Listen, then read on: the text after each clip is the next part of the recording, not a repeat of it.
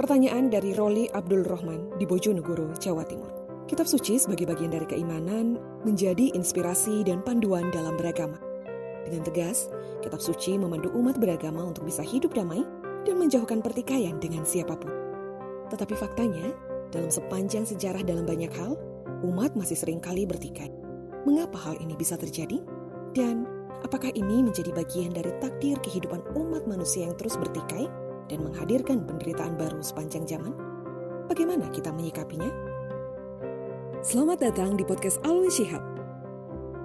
Kita harus secara objektif mengatakan bahwa semua kitab-kitab suci yang turun dari Allah Subhanahu wa taala apakah itu kitabnya Daud, Zabur, Taurat, Injil. Coba periksa Semuanya itu mengajarkan hal-hal yang baik. Tidak ada yang mengajarkan membunuh. Orang Yahudi itu Ten Commandment-nya selain dia harus percaya kepada Tuhan yang Esa, dia tidak boleh membunuh. Itu ada di dalam uh, Taurat dan ada juga uh, dan dipercaya juga oleh eh, orang-orang Nasrani. Sehingga kalau kita melihat banyak pertikaian yang terjadi, itu yang saya sebutkan tadi. Uh, yang memproklamirkan perang salib adalah tokoh agama Romawi waktu itu Paus uh, Urban. Hari ini kalau kita tanya pemuka agama, setuju tidak uh, apa yang diproklamirkan oleh Paus Urban untuk memerangi umat Islam untuk mengambil Yerusalem sebagai bagian dari uh, kekuasaan mereka. Anehnya, tentu saja banyak yang mengeritik sekarang. Dari itu, yang tadi uh, Kansili Vatikan II menyatakan bahwa kita tidak boleh mengingat sejarah yang lalu kita lupakan. Karena sejarah yang lalu berdarah-darah. Kita hendak menciptakan komunitas yang harmonis di antara semua komunitas agama. Ini ini yang sebenarnya inti daripada ajaran yang ada di Taurat, ada di Injil dan juga ada di Islam. Tapi kita lihat saja apa yang terjadi di Timur Tengah. Kelompok ISIS ya. Dia membunuh orang yang tidak sejalan dengan dia orang Islam pun dibunuh yang tidak sejalan. Dari mana dia dapat uh, apa namanya sumber ajaran yang beranggapan hal itu boleh?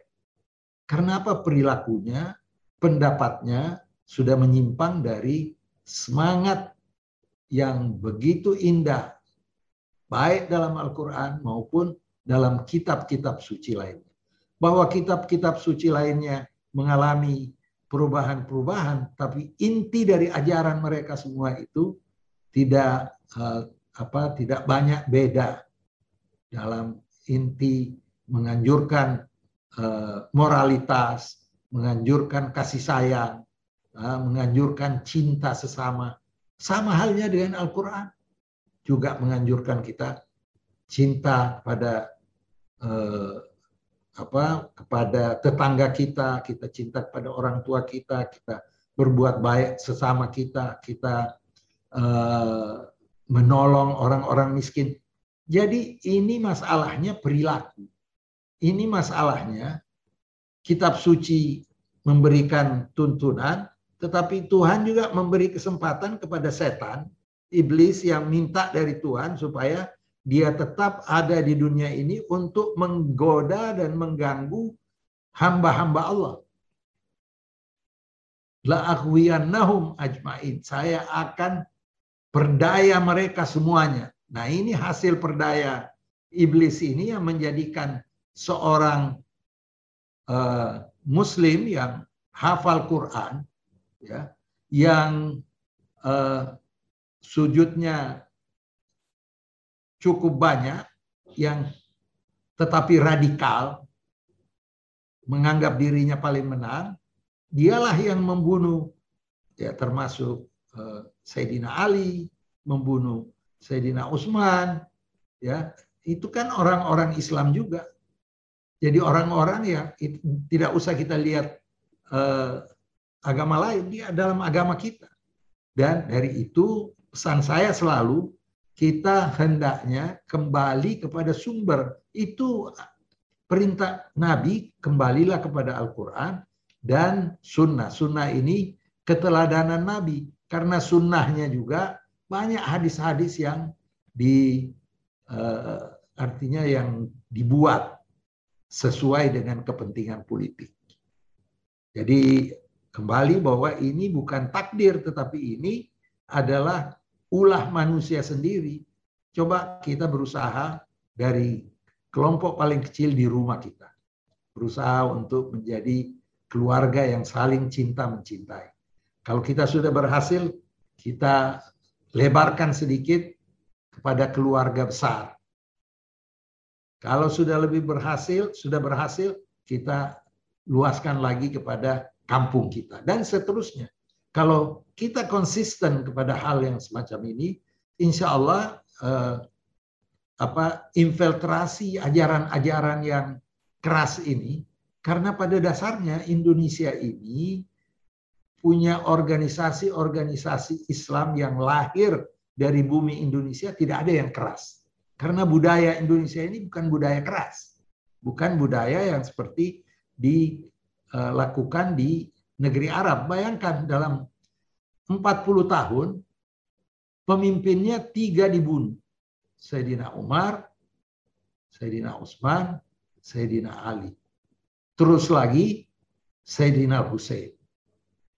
Dan seterusnya. Padahal Al-Quran begitu jelas kan. Jadi ulah dan budaya keras ini, inilah yang sekarang masuk ke bumi Indonesia dengan beraneka ragam organisasi-organisasi yang keras. Jamaah Islamiyah, kelompok Al-Qaeda, kelompok Takfir wal Hijrah, itu yang bertanggung jawab membunuh Anwar Sadat, kelompok di Nigeria Boko Haram, kelompok ISIS, dan seterusnya. Itu sebenarnya jauh dari budaya Nusantara kita di Nusantara ini apa namanya bertahun-tahun umat Islam di sini tidak pernah ada bom bunuh diri, eh, bom masjid, bom gereja, nggak ada. Yang infiltrasi dari luar yang menjadikan orang-orang Indonesia menjadi ganas karena terpengaruh dan terpengaruh oleh ulama yang dianggap sakral. Padahal sama sekali kita tidak boleh mensakralkan ulama. Karena ulama itu bisa salah.